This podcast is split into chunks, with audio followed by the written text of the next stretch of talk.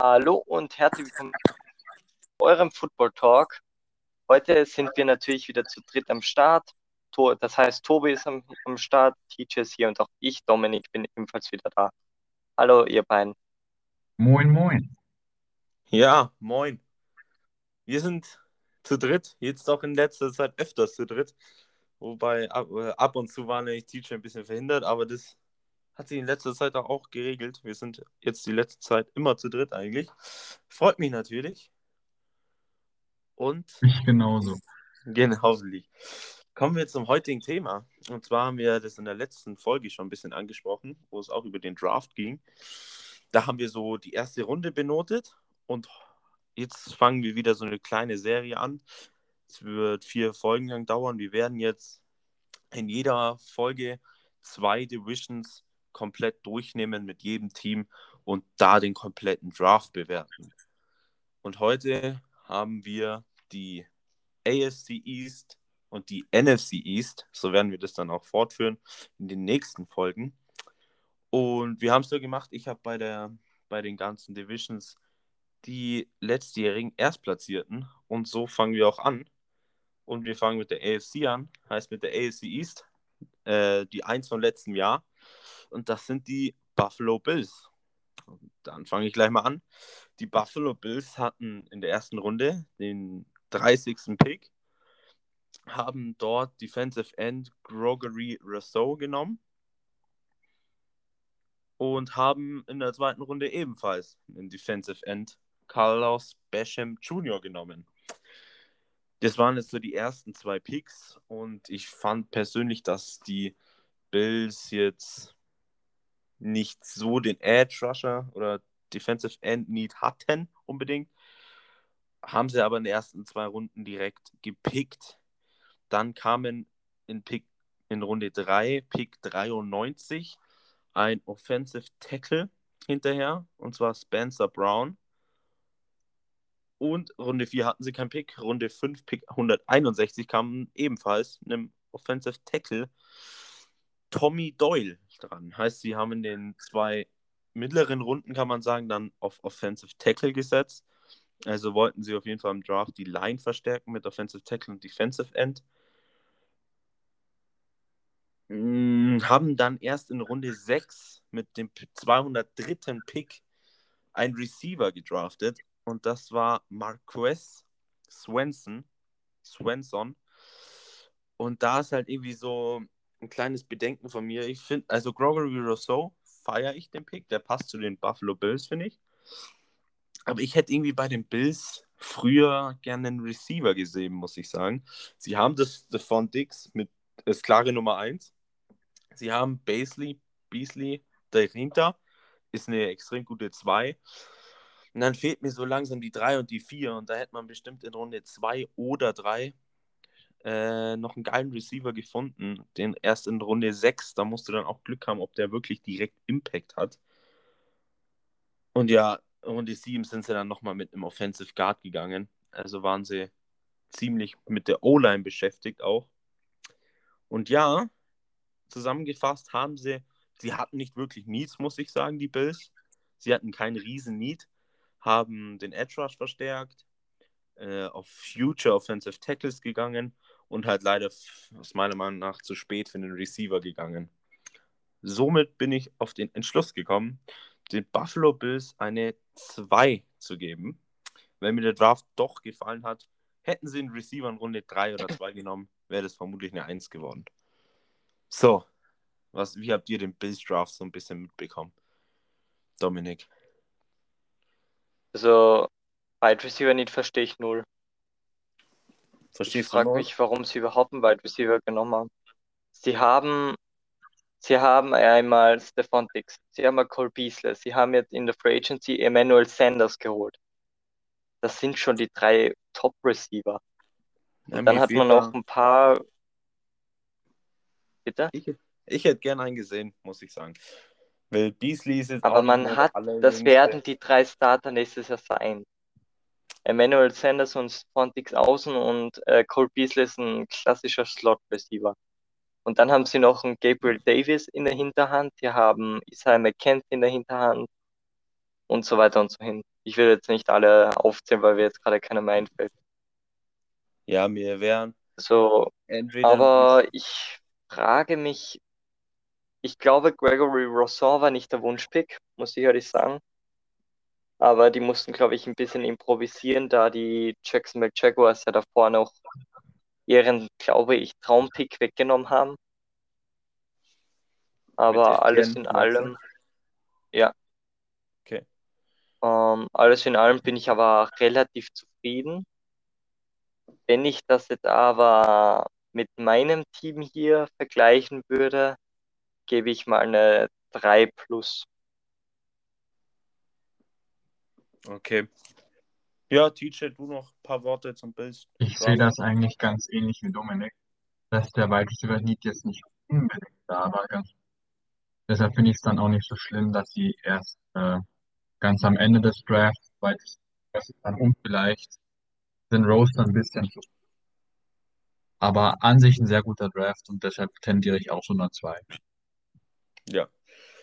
Somit gehen wir zum AFC East Zweitplatzierten, und zwar die Miami Dolphins, und die hat der liebe Dominik. Ja, äh, Miami Dolphins hatten sieben Picks. Davon waren fünf in den ersten drei Ru- Runden. Und zwar haben sie an Position 6 haben sie den Wide Receiver von Alabama, Jalen Waddle, gepickt. Ähm, an Pick Nummer 18 in der ersten Runde haben sie Defensive End, Edge Rusher, Linebacker, wie auch immer man den sehen will, Jalen Phillips geholt von Miami. Ähm, Pick 36 in der zweiten Runde haben sie den Safety Javon Holland von Oregon gepickt. Äh, Pick 42 in der zweiten Runde haben sie den Offensive Tackle Li- Liam Eichenberg von Notre Dame gepickt. Und in der dritten Runde haben sie dann noch einen Tight End gepickt namens Hunter Long, ein Pick 81, ein End aus Boston. In der siebten Runde hatten sie dann auch noch zwei Picks, da haben sie noch einen Offensive Tackle gepickt und einen Spieler, wo ich die Position nicht gefunden habe. Also ich habe da drei Seiten durchgeschaut, der, bei jeder Seite hatte der keine Position. Ich weiß nicht, ob das diese eine, das irgendwie ein Special Team oder so ist oder keine Ahnung, warum da keine Position dabei stand. Ähm, alles in allem, ich finde, mit einem Sewell an Bord hätte man einen Jalen Battle jetzt nicht unbedingt nehmen müssen. Ähm, ich bin extremst zufrieden mit Jalen Phillips und mit Liam Eichenberg. Den beiden Picks gebe ich auch eine 1, ganz klar. Ähm, Hunter Long, Tight End, war ein kleines Need, haben sie in der dritten Runde auch noch gut gemacht. Gibt für mich da 2 Minus. Ähm, die Picks, die ich nicht hundertprozentig verstehe, sind einmal Jalen Waddle, eben weil Sewell eben noch da war zu dem Zeitpunkt. Deswegen, aber sie haben einen der beiden besten Wide Receiver, die noch da waren, haben sie gepickt. Also gebe ich einfach mal so eine 3. Und den Pick, den ich überhaupt nicht verstehe, ist Javon Holland. Das ist ein Safety. Den hatten sie, der war an Pick 36 noch da. Und das ist ein Safety. Und da stellt sich mir die Frage, warum nimmt man einen Javon Holland, wenn Trevor Merrick noch da ist oder Travis Merrick oder wie ich mal. Wenn der noch da ist, warum nimmt man den dann? Also das ist der Pick, den ich nicht verstehe. Alles in allem gebe ich aber eine solide 3. So, TJ, was hältst du von dem Draft der Dolphins? Also wie du schon gesagt hast, äh, Waddle und Phillips, das waren sehr, sehr gute Picks. Das sind zwei echt talentierte Spieler, die sie da äh, vom Board geholt haben, die vielleicht ein bisschen Verletzungspech haben, aber wenn die in Miami einschlagen, dann ähm, sehe ich da sehr, sehr großes Potenzial und auch die Playoffs äh, für die Dolphins. Und, und ich glaube, sie haben dann auch noch den Fünftrunden-Pick getradet, ne? Mit den Steelers oder so ähnlich. Kann sein. Also ich habe mir ja nur aufgeschrieben, wenn sie gepickt haben, sie hatten auf jeden Fall keinen Viert- und keinen Fünftrunden-Pick. Ja, aber ich finde den Draft eigentlich sehr gut und deshalb gebe ich eine 2 plus. Tobi, Äh, ja, Ich hätte irgendwie bei Miami eher Devontae Smith gesehen, muss ich sagen. Ich glaube, der hätte irgendwie geiler hingepasst. Klar hat ähm, Tour hat, glaube ich, mit Waddle gespielt, oder? Nee, nee, hat er nicht. Mhm. Äh, Nee. sorry, ähm, war ja Clemson, ja. Äh, ja, Battle war Alabama. nee, ich meinte, äh, Dings war Clemson, oder? Tour, Nein, Tour war Bama. Alabama, äh, da haben sie doch zusammen gespielt.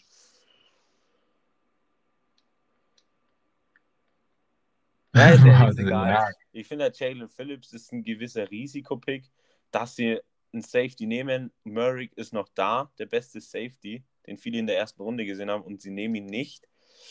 Fand ich irgendwie auch nicht so geil, muss ich sagen. Und ja, ich gebe auch eine 3 wie du.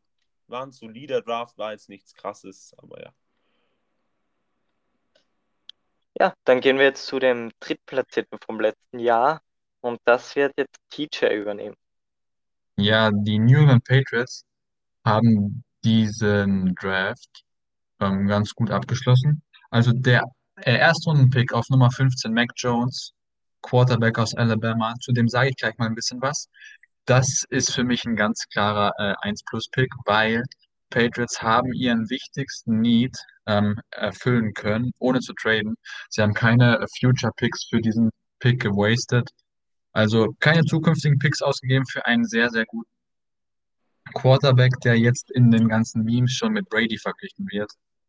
Ähm, Mac Jones hat eine sehr, sehr gute äh, College-Karriere gehabt und ähm, es wird so manchmal ein bisschen angezweifelt. Es wäre besser gewesen, wenn die. Aber die Bears sind ja von 20 ähm, auf 11 runter und dann war Justin Fields, Fields schon weg. Ich finde, dass Mac Jones noch übrig war, da hatten die Patriots Glück. Das haben sie ausgenutzt und das ist ein ganz klarer ähm, Einser-Pick. Dann hätte ich noch so einen typischen Belichick-Pick. Das wäre äh, Christian Barmore, Defensive Tackle aus Alabama. Der wurde in der Runde 2 gepickt, also auf Nummer 38. Das war ein Trade äh, von den Bengals. Also die Patriots haben mit den Ba- Bengals getradet. Und das ist schon generell ein bisschen ungewöhnlich, dass Belichick rauf tradet und tradet er ja eigentlich immer runter. Und ähm, das Besondere an Christian Barmore ist, dass er in dieses Patriots-System passt. Also er passt perfekt ins Defensive Scheme der Patriots, weil die picken seit Jahren immer diese Linebacker, die ähnlich sind ähm, wie Barmore und den haben sie jetzt erst in der zweiten Runde gepickt. Finde ich sehr, sehr gut. Ist auch ein solider Pick. Und den größten Statement-Pick der Patriots die in diesem Draft war ähm, Ramador Stevenson, Running Back aus Oklahoma, ähm, an äh, 120. Stelle. Das war dann Runde 4 Pick. Ähm, damit wollen die Patriots meiner Meinung nach eigentlich nur zeigen, dass ähm, sie sehr, sehr stark auf das Laufspiel hoffen. Sie haben gute Running Backs mit, ähm, mit jetzt Devontae Harris, ja, Harris ist der eine Running Back. Ähm, James White haben sie noch. Wie es mit Sony Michel aussieht, weiß jetzt nicht genau. Und sie haben zwei sehr, sehr gute Titans. Also ich glaube, die wollen sehr viel mit dem Front Seven machen. Laufspiel, den Ball kontrollieren. Cam kann ja auch laufen. Mac Ja. Jones dann die Möglichkeiten geben. Ich wollte auch gerade sagen, die haben ja Cam, der kann ja auch bloß laufen, dann passt's ja. Mhm. Also das, ich finde den Patriots äh, Draft sehr, sehr gut. Ich gebe eine 1 minus. 1 bis 1 minus. Ja, das waren so meine drei wichtigsten Picks aus diesem Draft. Eure Meinungen?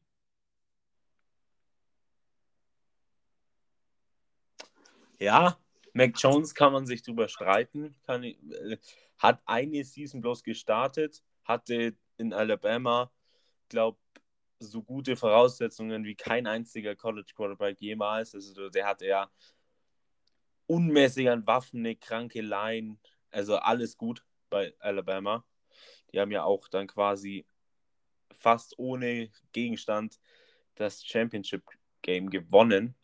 Deswegen weiß ich nicht, wie Alabama sich bei den Patriots schlagen wird. Dass er jetzt schon mit Brady verglichen wird, finde ich noch ein bisschen früh. Man darf nie mit Brady vergleichen. Das kann schnell in die Hose gehen, wenn er nicht liefert. Aber an sich finde ich den Patriots Draft auch extrem gut, muss ich sagen. Mit einer der besten Drafts überhaupt, meiner Meinung. Sie haben halt Jones gekriegt an 15, wo viele gedacht haben, die müssen da irgendwie hochtraden oder die nehmen schon an drei äh, die 49ers. Von daher haben mir die ersten vier Runden, hat mir eigentlich jeder Pick echt gefallen von den Patriots. Und auch was sie da in den späteren Runden gemacht haben, ist da teilweise echt noch solides Zeug dabei. Deswegen kann ich fast nichts anderes geben, außer auch eine Eins. Die erste heute. Ja. Uh, ja, Patriots einen sehr guten Draft gehabt. Sie haben ihren Future Quarterback gefunden, nachdem es mit Jared Stidham nicht ganz nach Plan verlaufen ist. Leider, Aber auch obwohl ich Jared Stidham nicht. gerne mag. Ähm, Christian Palmer habe ich Mitte erste Runde gepickt, also dass der in 38 noch verfügbar war, top. Einer der größten Steals, wie ich finde. Ähm, alles in allem ein guter Draft. Ich gebe eine 1 minus. Und Jo. die Patriots hätten eigentlich den besten Pick, den besten Draft gehabt in der AFC East, wenn er nicht die Jets gewesen wären. Und über die Und, spricht, wer spricht über und die über die spreche ich jetzt. Ja, genau. Ähm, perfekte Überleitung. Die New York Jets äh, waren ja das zweitschlechteste Team letztes Jahr und durften deshalb auch am Pick 2 picken und haben sich dort ihren Future Quarterback Zach Wilson geholt. Quarterback von BYU. Perfekter Pick, passt perfekt ins System. Der wird die nächsten zehn Jahre noch dort spielen. Der wird einmal, der wird sie in die Playoffs führen, wenn auch nicht nächstes Jahr, aber er wird auf jeden Fall den Jets schon gut helfen und wird die sehr weiterbringen.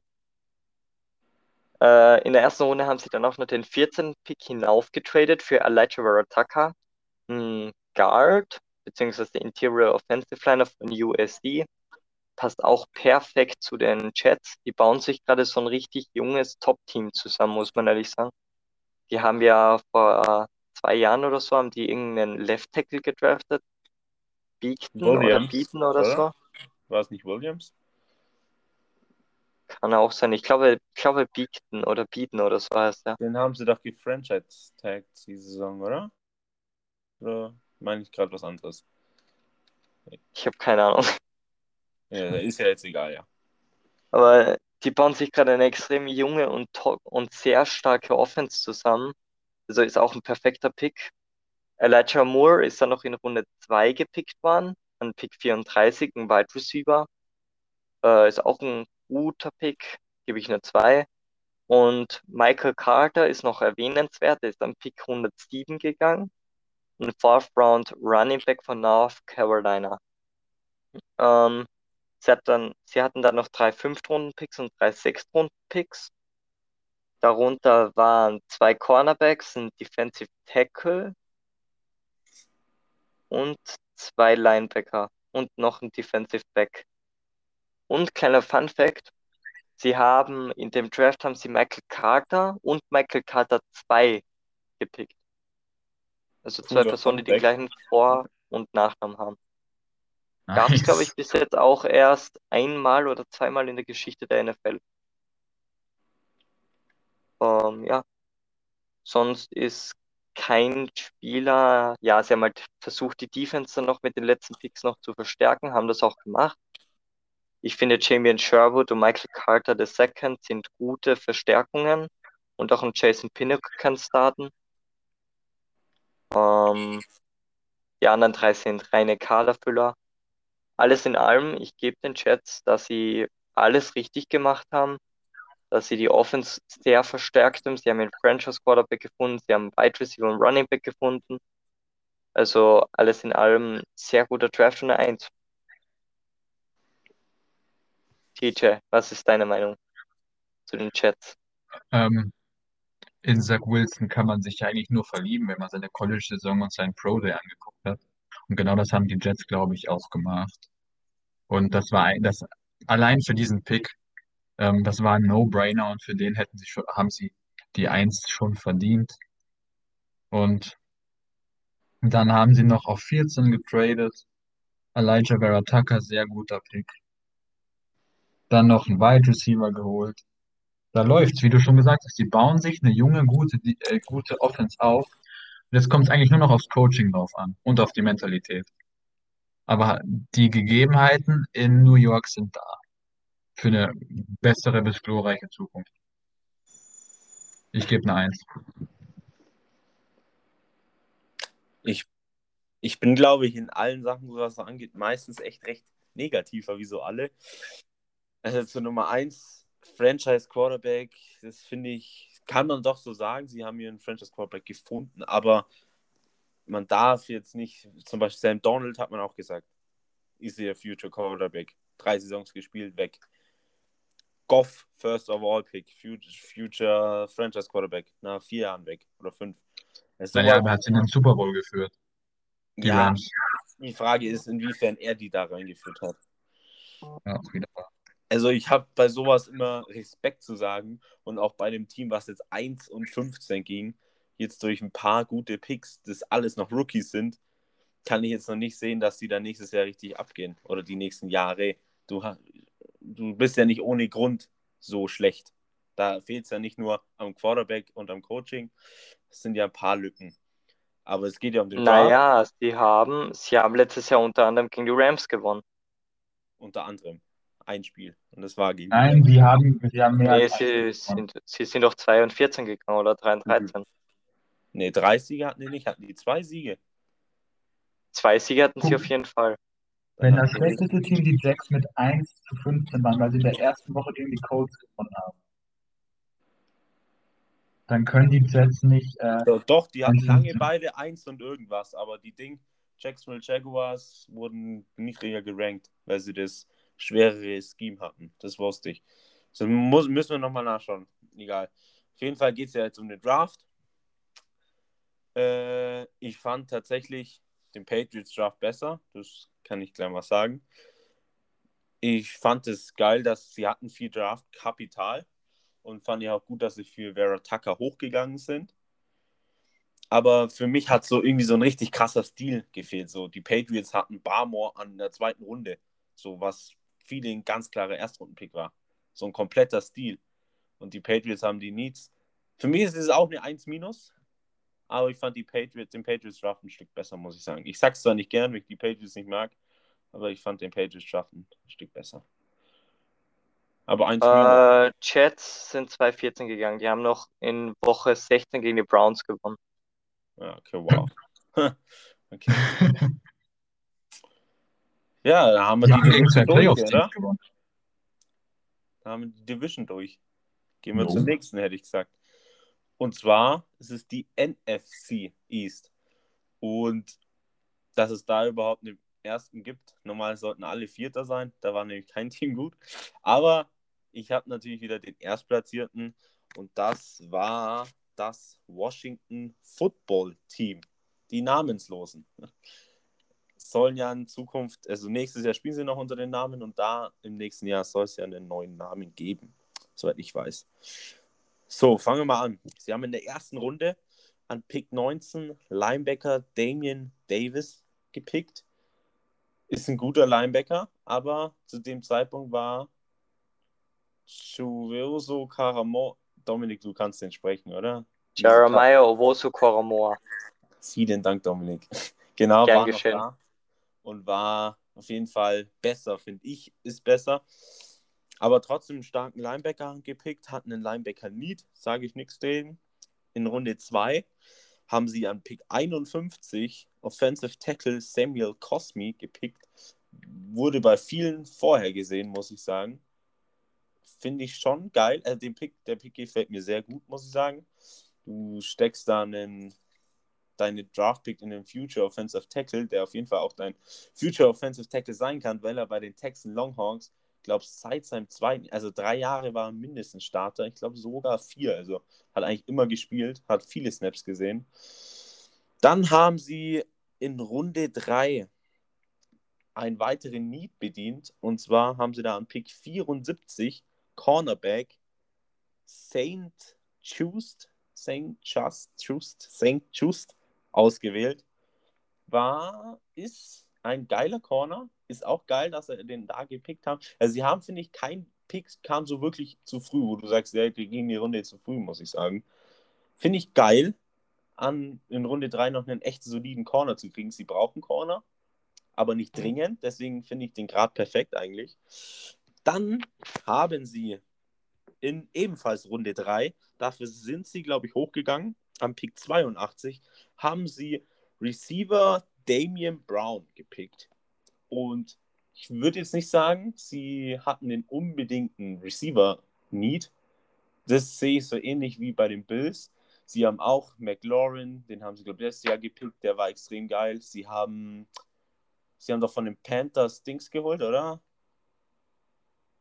Äh, Curtis Samuel, ja. Ja, genau. Was auf jeden Fall eine geile Nummer 2 werden kann oder sogar, wenn er in, seinem, in die Form kommt, wieder eine 1. Und da finde ich, Brown passt auch geil rein, so als Nummer 3. Finde ich geil. Finde ich geil, dass sie dafür, glaube ich, auch hochgegangen sind. Habe ich, glaube in Erinnerung noch, dass sie hochgegangen sind. Finde ich geil. Ich finde hier irgendwie alles geil. In Runde 4 haben sie dann am Pick 124 einen Tight End gepickt mit John Bates. Ja, sie hatten, sie hatten kein End Need. Das war, so wie ich das sehe, eigentlich so Best Player Available. Es ist ein solider Tight. Sie haben in ihrem Kader nicht wirklich ein Blocking Tight. Sie haben einen Receiving Tight der ein bisschen erfolgreich ist. Und ähm, John Bates ist halt eigentlich ein rein Blocking Tight und macht da seinen Job extrem gut. Und finde ich, kann man auf jeden Fall einen Viertrunden-Pick rein investieren in einen guten Blocking-Tight End. Sowas ist auch auf jeden Fall wichtig. Dann hatten sie in Runde 5 noch an 163 einen Safety mit Derek Forrest, der noch nennenswert ist. Wird jetzt kein Starter sein, wird bestimmt ein paar Snaps sehen. Kann man bestimmt aufbauen. Die Washington Defense ist geil. Die Washington Defense ist sich vor allem jung. Und die Washington Defense kann in Zukunft einer der besten Defenses waren sie schon und können sie auch bleiben. So, am Ende vom Lied habe ich es dann nicht über die Lippen gebracht, eine 1 zu geben, weil ich da den Chats und den Patriots äh, Trade doch noch geiler fand. Deswegen, deswegen gebe ich hier eine 2 plus. So. Genug geschwafelt. TJ, wie fandest du den Washington Football Team Draft? Ja, sie haben wieder in die Defense investiert, wie du schon gesagt hast, damit sie auf dem gleichen Stand bleibt oder sich sogar noch verbessert, wie sie letzte Saison schon war. Und dann noch Wide Receiver und Tight geholt. Finde ich gut. Gibt's nicht viel zu meckern, sind gute Picks. Keine überkrassen Steals, wie du schon gesagt hast, aber im Grunde ähm, gibt's da echt nichts zu meckern. Und ich gebe eine 2. 2 plus. Ja, Okay. sie haben ihre Needs, sie haben ihre Needs gut ähm, verbessert. Sie haben weiter an ihrer Front 7 gearbeitet und ja, eigentlich fast alles richtig gemacht. Deswegen gebe ich eine glatte 2. Gut. Kommen wir zum Division 2. Das waren, Genau. glaube ich, die Giants. Richtig. Ah, Fuchs in der krassen Division. In der, in der besten Division. Ja. Den zweiten Platz haben sich dort die New York Giants gesichert. Die haben in der ersten Runde runtergetradet, sind ja mit den, äh, soll ich den Namen vergessen? Dem, ja, mit den Bears, mit den Bears, genau. Ja.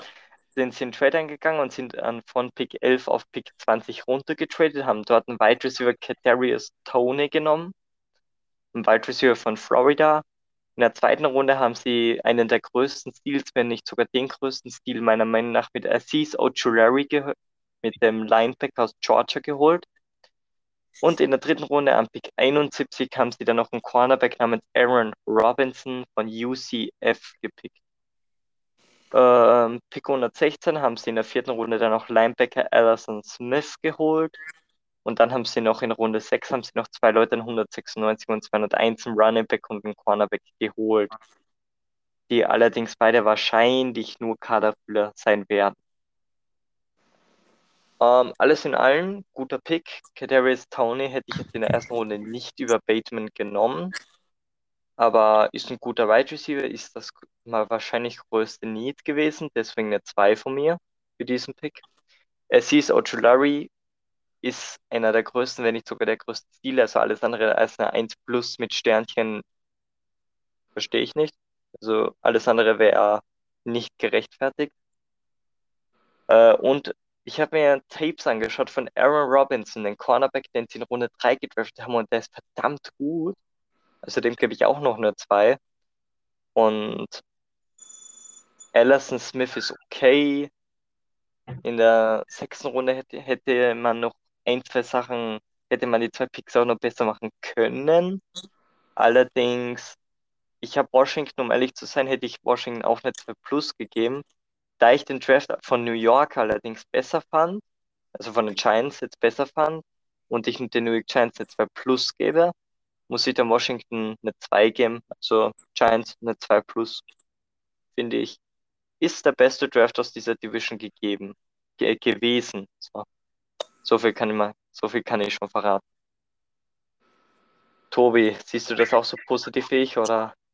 Ja, sehe ich sehr ähnlich wie du, muss ich sagen. Also ich fand in den späteren Runden, also ab Runde 2 war es ein verdammt geiler Draft. Aber ich bin, ich komme mit diesem Tony, bin ich nicht so. Ah, wir haben, glaube ich, auch schon ein bisschen drüber geredet, bist du auch nicht so der Fan von gewesen, glaube ich, oder?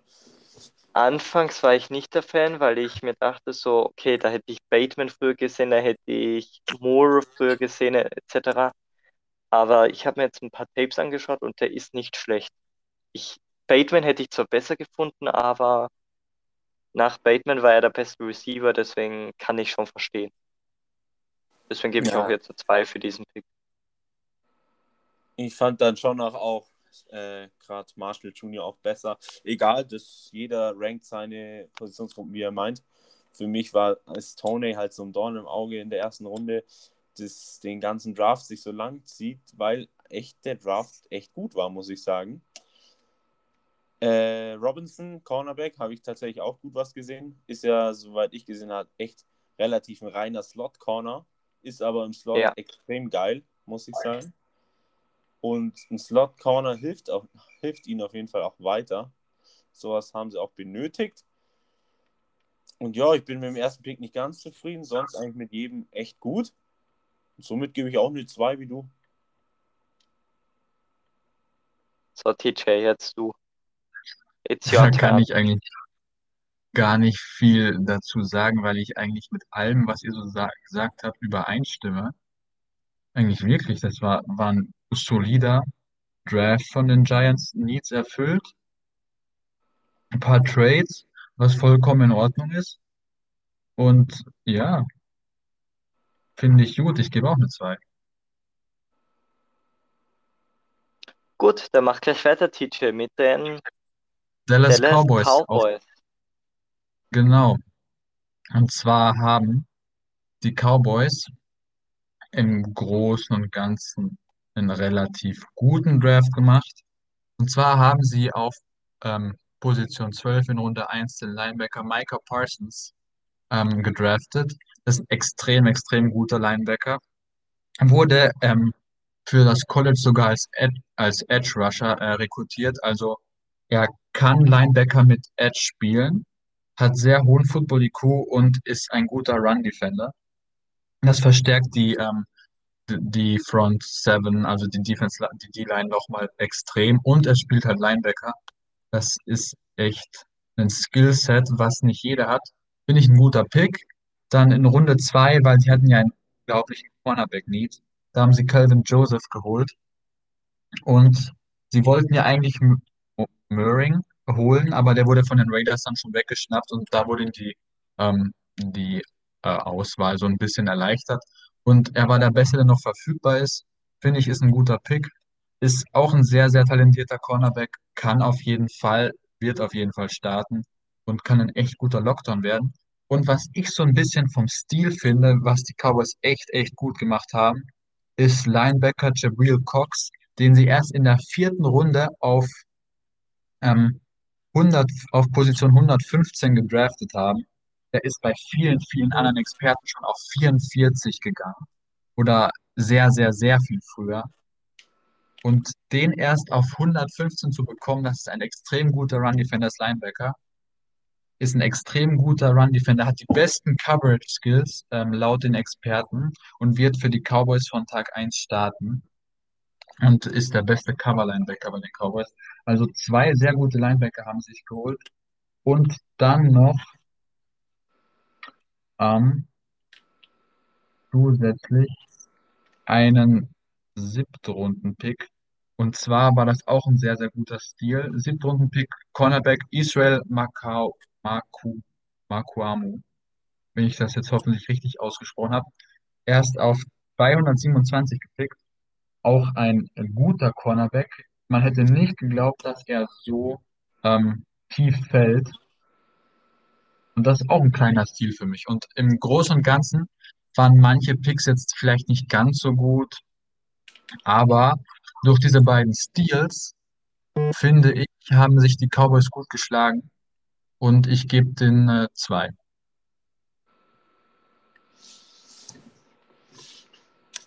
Dominik wo an diesmal? Wenn du willst. Äh, ich kann eigentlich nicht viel anderes zu sagen. Also den Linebacker fand ich extrem starker Pick. Auch einer der größten Steals. Ähm, bin mit Mika Parsons auch sehr zufrieden. Ähm, wenn ich das Ganze jetzt mit dem Draft zum Beispiel der Dolphins vergleichen müsste, würde ich sagen, war das ein sehr ähnlicher Draft. Den Dolphins habe ich eine 3 Plus gegeben, wenn ich mich jetzt nicht irre, deswegen gebe ich hier auch eine 3 Plus. Ich fand es eben ganz witzig. TJ hat jeden Pick so angeschwärmt, als ob es der größte Stil des Lebens war und sagte, ja, eine glatte 2. Das fand ich ganz witzig, ja. Ja, sie haben zwischendurch nicht so gut gedraftet. Äh, ich äh, ich bin ich glaube ich eher auch positiv. Parsons ist ihr sozusagen dritter echt guter Linebacker und ich denke, dass Parsons nicht weniger Spielzeit jetzt zieht, sondern dass er sehr, sehr, sehr rotationsgemäß eingesetzt wird. Und da kann ich mir auch vorstellen, dass er vielleicht, keine Ahnung, in zwei Jahren gar nicht wirklich mehr Linebacker ist, sondern dass er auf Edge Rusher unfunktioniert wurde, weil er das ja auch auf jeden Fall echt gut kann. Kann ich, ist, kann ich mir auf jeden Fall vorstellen. Und ja, auch Cooks war ein extremer Stil in Runde 4, oder? Ja. Und ich fand den Draft echt, echt geil. Es ist jetzt irgendwie kein Pick dabei, wo ich so sage, der war jetzt echt nicht geil. Und deswegen gebe ich eine 2 Plus. Ja. Wow. Einmal, dass du den Best, die beste Note vergibst. Das Ja, kommt auch sehr nee. selten vor. Ich glaube, Bills hat ja auch die beste Note vergeben. Das kann sein, ja. Ja, aber gleich mit so großem Abstand. Naja. 2 Ist plus und 2 ist jetzt nicht so weit auseinander. Ja, aber die Ja, egal, egal. 2 Plus, das Ja. ist jetzt kein Riesending. Wir akzeptieren deine Meinung, bin Danke. stolz darauf. Meine Meinung wird Und- akzeptiert. Endlich. Das einzige Mal. Ja. So, Philadelphia Eagles. ja, Dominik hat gerade den vierten der Division gemacht. Jetzt hat es mich getroffen. Mit den Leider. Philadelphia Eagles. Und die Eagles hatten ja auch extrem viele Picks, aber hatten in ihren ganzen Draft zwei Trades ab und hatten dann trotzdem noch viele, aber nicht mehr. Elf Stück hatten sie am Anfang. Und dann hatten sie, glaube ich, sieben, acht hatten sie dann wirklich. Drei haben sie durch Trades verloren. Und zwar direkt ihren ersten Pick. Sie sind von 12 auf die 10. Also sind sie eigentlich nur vor die New York Giants, die ihnen zu 90 Prozent auch den weggenommen hätten, den sie gepickt haben. Und zwar Receiver der One Smith von Alabama. Sie hatten einen extremen Receiver-Need. Den hat man ja schon, die waren ja eigentlich auf 6, haben da auch getradet Dolphins. Ist ja ein alter Kaugummi. Da hat man ihnen auch äh, der Wante Smith die ganze Zeit auch angeredet oder halt einen Receiver. Ob es dann der Wante Smith oder irgendein anderer ist, ist ja egal. Fand ich ein geiler Pick. Der Wante Smith kann auch die Eagles wieder gut aufbauen. Dann hatten sie in Runde 2 an Pick 37 haben sie einen Offensive Guard geholt mit Landon Dickerson. Den auch jetzt nicht unbedingt die Mehrzahl, aber der habe ich auch in Mox in Runde 1 gesehen, Sean Dickerson. Fand ich auch ein echt geiler Pick, weil du musst, die Eagles werden jetzt in den Rebuild sein. An den Rebuild werden die jetzt so schnell nicht vorbeikommen. Und da machst du mit einem jungen Receiver, den du aufbauen kannst, nichts falsch. Und mit einem jungen Offensive Guard nichts falsch, den du aufbauen kannst, der auf jeden Fall enormes Potenzial hat. Dann haben sie in Runde 3, Pick 73, Defensive End, Militon Williams gepickt. Auch ein okayer Pick. Den habe ich, glaube noch in Erinnerung, dass der eigentlich ein bisschen zu früh war, was ich auch jetzt dann nachgelesen habe. Den hätte man auch später nehmen können. War jetzt nicht unbedingt notwendig, aber ist ein solider Pick. Das ist jetzt so der erste oder einzigste Pick, der mir wirklich so ein bisschen, bisschen quer kommt, kann man sagen. Dann haben sie in Runde 4 in Pick 123 einen Cornerback gepickt, weil die Eagles haben ja fast jede Position wirklich gebraucht. Sie haben die extremen Needs auf jeden Fall aber auch erfüllt. Sie haben Cornerback Zech McPherson gepickt in Runde 4. Was, also viele haben gesagt, was ich so gelesen habe, wenn sie den statt ihren Drittrunder und ihren Drittrunder dann in der vierten Runde genommen hätte, hätte es eigentlich besser ausgeschaut wie andersrum.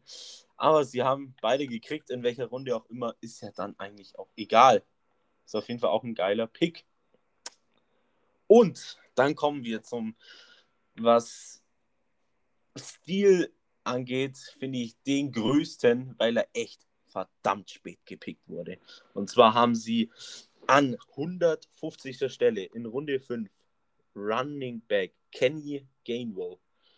Und ich muss sagen, er war bei echt vielen, also bei so ganz verrückten, war er auch auf 1, Running Back 1, aber bei den meisten war er echt 3 oder 4 Running Back oder 5 spätestens mit einer Zweitrunden-Grade. Und der ist bis zur fünften Runde gefallen. Was echt, was ich echt krass finde, muss ich sagen. Für dem her, was diesen angeht, klar, wir haben vorhin von Patriots war es Barmore, auch ein extremer Stil. Aber man muss sich das halt vorstellen, man sieht den als Zweitrunder und geht in der fünften Runde. Also Gainwell fand ich den extremen Stil Wobei man halt aber auch sagen muss, dass die Eagles nicht unbedingt diesen krassen Running Back Need hatten. Aber wenn du da in Runde 5 noch einen Kenny Gainwell kriegst, einen jungen Running Back, dann pickst du den einfach. Value-technisch auch. Hat mir sehr gefallen, der Eagles Draft. Ich glaube, heute wurden gar keine schlechten Noten verteilt. Ich fange auch erst gar nicht an. Zwei Minus. Heute bin ich mal positiv gelaunt. Dominik, Eagles Draft. Meinung. Habe ich gerade die Note richtig gehört? Zwei Minus, ja. Warum? Ich sehe alles gleich wie du, nur habe eine viel bessere Note vergeben. Egal. Devonta Smith haben sie alles richtig gemacht, indem sie die zwei Plätze nach oben getra getradet haben. Landon Dickerson ist der zweitbeste Interior Offensive Liner, also haben sie da auch alles richtig gemacht, dass sie den in der zweiten Runde bekommen haben. Äh, der D-Liner gefällt mir gut. Running Back ist extremer Stil. Die haben auch noch, jetzt muss ich kurz, mir fällt denn der Vorname nicht mein Johnson ist ein Linebacker. Ich weiß nicht, ob du den auch noch aufgeschrieben hattest. Der ja, ist in der fünften Runde gegangen. Finde ich auch ein guter Stil. Deswegen zwei also Patrick plus. Johnson. Äh, Was Patrick Johnson. Patrick Johnson meinst du, oder? Runde 7. Äh, kann sein. Mir fällt der Vorname ja. gerade nicht ein. Auf jeden Fall ein Johnson Linebacker. Ja, Patrick. Finde ich auch extrem gut. Ich schwanke die ganze zwischen 1 minus und 2 plus. Ach komm, ich, ich gebe eine 1 minus. Das finde ich jetzt frech, nein. ist ja halt. DJ. Ich möchte die, ich möchte die Stimmung hier gleich weil ich, ich bin hier gerade auf so einer Seite, die haben das extrem, extrem genau aufgeschlüsselt. Und diese Picks hier sind alle sehr, sehr gut. Der schlechteste Pick ist hier eine 2 Minus, glaube ich. Und Bei mir nicht. Also insgesamt meine ich auch. Insgesamt ja, sorry. Ah, sorry, ja, sorry. Macht nichts, kein Problem. Und ich finde, die, ähm, die Eagles haben alles richtig gemacht in dem Draft. Ähm, Steal war auch dabei, alle Needs gedeckt, die, in dem, die man in dem Draft decken konnte. Und ähm, dafür gibt es von mir eine 2 plus bis 1 minus, so in dem Bereich. Du und dein Diss-Noten, da regst du mich auch mal richtig auf. Ja, irgendwie haben die so richtig kacke draftet ja keiner. Und wenn einer kacke draftet, merkt man das meistens erst nach ein oder zwei Seasons, muss man ja auch sagen. Da Ja, sind die Eagles aber ganz weit oben dabei. Ja, das stimmt leider. JJ Ja. Aztega Whitehead, vor DK Metcalf gepickt, dann haben sie noch ein, äh, letztes Jahr haben sie einen Wide Receiver über Justin Jefferson gepickt, also die sind da ganz gut Stimmt. dabei. Stimmt, stimmt. ja, die Eagles, was Ähm. Draft angeht, wenig Glück und viel schlecht. Ja. Ja, Ich würde sagen, wir haben die Divisions gut gepickt, hätte ich gesagt. Wir haben uns alle. War eine gute Folge. Wir sind noch nicht am Ende natürlich. Ich sage es bloß mal kurz an. Wir werden nächste. Das mache ich einfach am Schluss. Wir machen einfach weiter mit unserem legendären Quiz. Ja, Und zwar, ihr, vielleicht wer die letzte Folge nicht gehört hat, was ich jetzt nicht glaube. Ihr könnt es nicht glauben, TJ hat gewonnen. Und, und, und man muss sagen, das ist sein zweiter Win. Nachdem er das erste Mal gewonnen hat, hat er auch ein Quiz vorbereitet. Und wer die Folge gehört hat, könnte rausgehört sein, dass ich danach ein bisschen allergisch war. Und ich hoffe, das passiert natürlich heute nicht, weil TJ ja heute ein richtig gutes Quiz rausgesucht hat. Oder TJ? Also ich habe ein Quiz rausgesucht, wo du tatsächlich alle Spieler kennst. Und wenn du die nicht kennst, dann Ja, dann sag mal, was hast du? wäre ich schwer enttäuscht. Also es geht in diesem Quiz um die meistgesacktesten Quarterbacks seit 2012. Meistgesacktesten Quarterbacks sind Zweite, wa- alle. welches Jahr? Welches Jahr?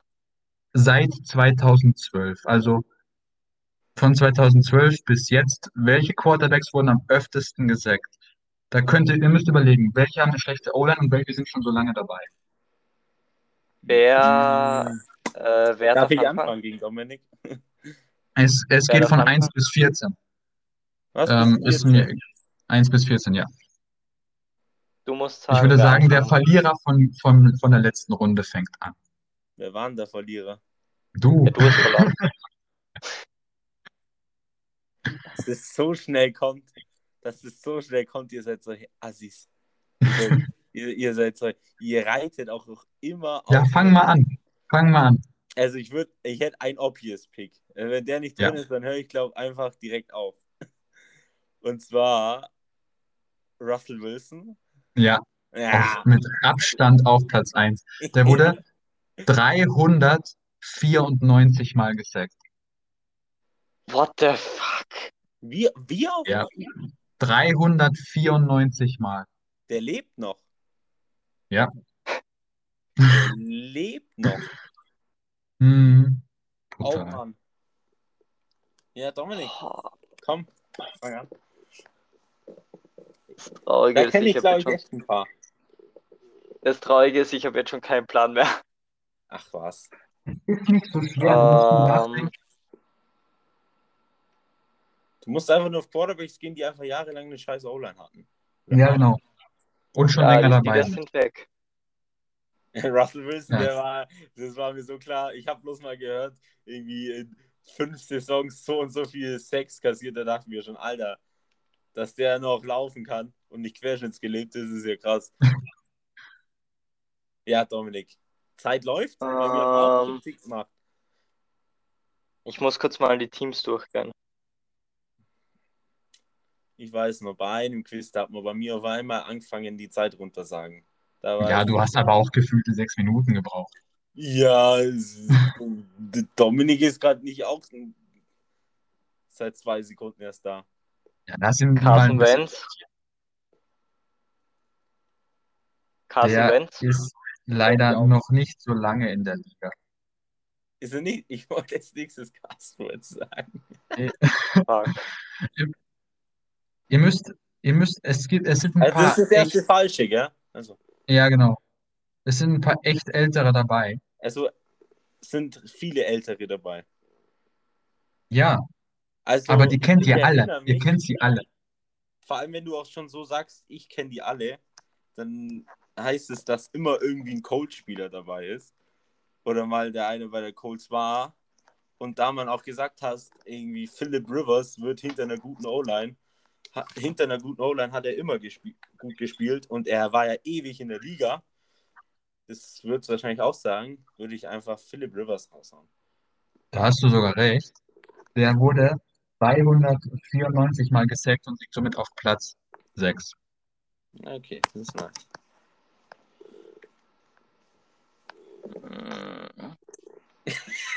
erster Pick, erster falsch, dann ist man schon mal schlecht gelaunt. Oh, ja, ich habe, ich hab, um ehrlich zu sein, ich habe ich hab, äh, Hey, ich den Beitrag auf jeden Fall gesehen. Du musst nur schauen auf die alten. Die alten Quarterbacks, denke ich. Also so werde ich fahren in der Schiene. Also es, es spielen, es sind vier retired in der Liste. Zählt der Rivers schon als retired? Ja, da ist Rivers schon als retired, ja. Okay. Und als kleiner Tipp, nee, das ist, das ist zu großer Tipp. Das kann ich dir nicht sagen. Sag halt einfach das Maul. Ja. Dominik. Der Dominik, der hat immer alle Statistiken, alles, der muss da auch noch kennen. Das ist ja Frechheit. Ähm, Und könnte auch ein bisschen zügiger sein.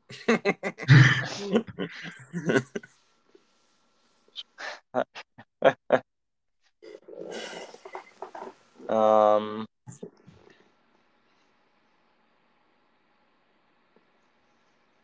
vier sind schon retired, also jetzt noch drei.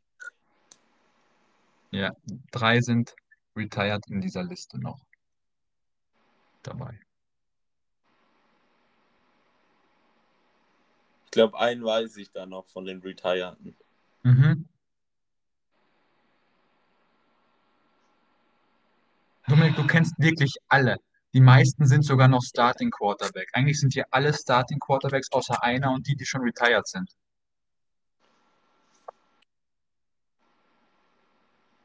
Ich schreibe mir gerade auf einem Blog, die, wo mir im Kopf gerade sind, auf, dass ich die nicht vergesse. die sein könnten. Und dann Ausschlussverfahren irgendwie. Aber müsste halt der Dominik jetzt erstmal einen raushauen. Drew Ja, Brees.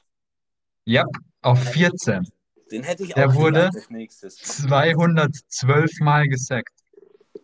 Boah, das ist so eine verdammt scheiß hohe Zahl. Ja. Ich überlege halt auch, welche Cornerbacks auch irgendwie verletzt waren mal. So. Es ist so offensichtlich, ihr glaubt gar nicht, dass diese Quarterbacks so oft gesackt worden sind. Also eigentlich sollte ich einfach nur mit den Alten gehen, wenn ich ehrlich bin. Und man muss auch sagen, die, den habe ich jetzt an meiner Ausschlussliste relativ weit oben. Ich sage einfach Kirk Cousins. Der hatte nie eine gute O-Line und ist schon ewig Ja. dabei. Ja, Kirk Cousins auf 13, 100, 213 Mal gesackt. Safer Pick. Auf 13, ja. Matt Ryan. Auch Matt Ryan wurde oft gesackt. Und zwar auf zwei, 325 Mal. Auf zwei. Zwei. Was? Zwei sehe ich, habe ich jetzt eigentlich auch nicht gesehen. So kacke sind die Falcons. Und jetzt denkt euch mal, wenn Matt Ryan so oft gesackt worden ist, wäre es noch oft gesackt worden, aber man glaubt nicht, der ist oft gesackt worden. Und dann kommt, dann kommen, dann fallen euch die Leute ein. 100 Prozent. Ich sag einfach mal, auch weil er eine große Verletzung hatte und lang gespielt hat, Alex Smith. Alex Smith auf 9, 260 Mal. Ich habe, glaube noch einen im Hinterkopf. Und wenn er den jetzt sagt, bin ich, glaube Game Over.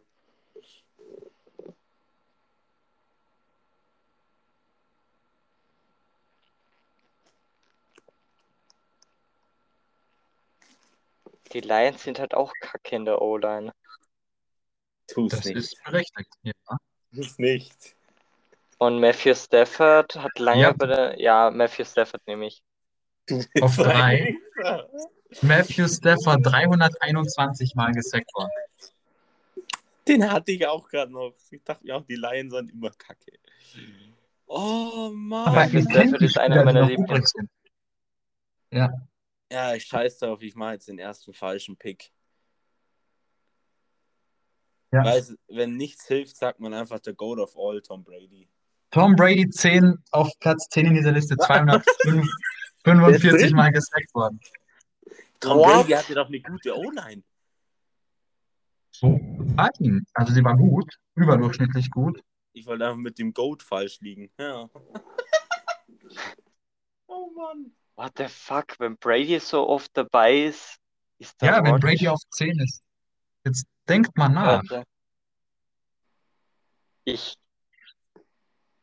Mm, wer ist denn lange dabei? Warte mal, Alex Smith war dabei und der hat zwei Jahre lang nicht gespielt. Ja. Aber der ist schon ewig, der ist schon ewig. Der ist schon ja, ewig. okay. Da müsste. Ich habe noch so zwei im Hinterkopf. Davon ist einer sehr wahrscheinlich falsch. Dann beim anderen bin ich mir sehr unsicher. Ja, sag, sag, sag einfach mal. Ich versuch's mal mit Rodgers. Wenn Brady so oft gesagt worden ist, Rodgers ich vielleicht auch. Ist das dein, ist das deine Entscheidung? Ja, leider. Aaron Rodgers auf 4. 308 What? Mal. Was? Ich überlege gerade, wer vielleicht auch wirklich Verletzungen hatte, da die O-Line schlecht war. Ihr könnt auch mal so überlegen, welcher Quarterback musste oft in der Division gegen äh, Defensive Liner antreten, die einfach Biester waren. Und das schon über Jahre. Ja, wer ist denn da noch so alt? Oh, Oh, jetzt habe ich eine Idee. ich glaube, du hast mir mit dem, mit dem Tipp gerade einen Spieler vor die Nase gesetzt. Ja. Quarterback, der jahrelang gegen eine Defense von den Steelers, Browns und Ravens gespielt hat. Mit Andy Dalton. Auf 8. Ja, Ja. das war die Anspielung. 278 Mal. Das war die Anspielung. Okay, Ja, habe ich die ja. Anspielung falsch verstanden. Aber es gibt noch einen, der in eine ähnliche Kategorie fällt. Wer? Ja, ich glaube, ich denke auch an den, aber Sag Ach einfach. komm, überleg. wenn, wenn ich falsch liege, dann will ich mit Andrew Luck falsch liegen. Der Oh war ja, leider, Andrew Luck.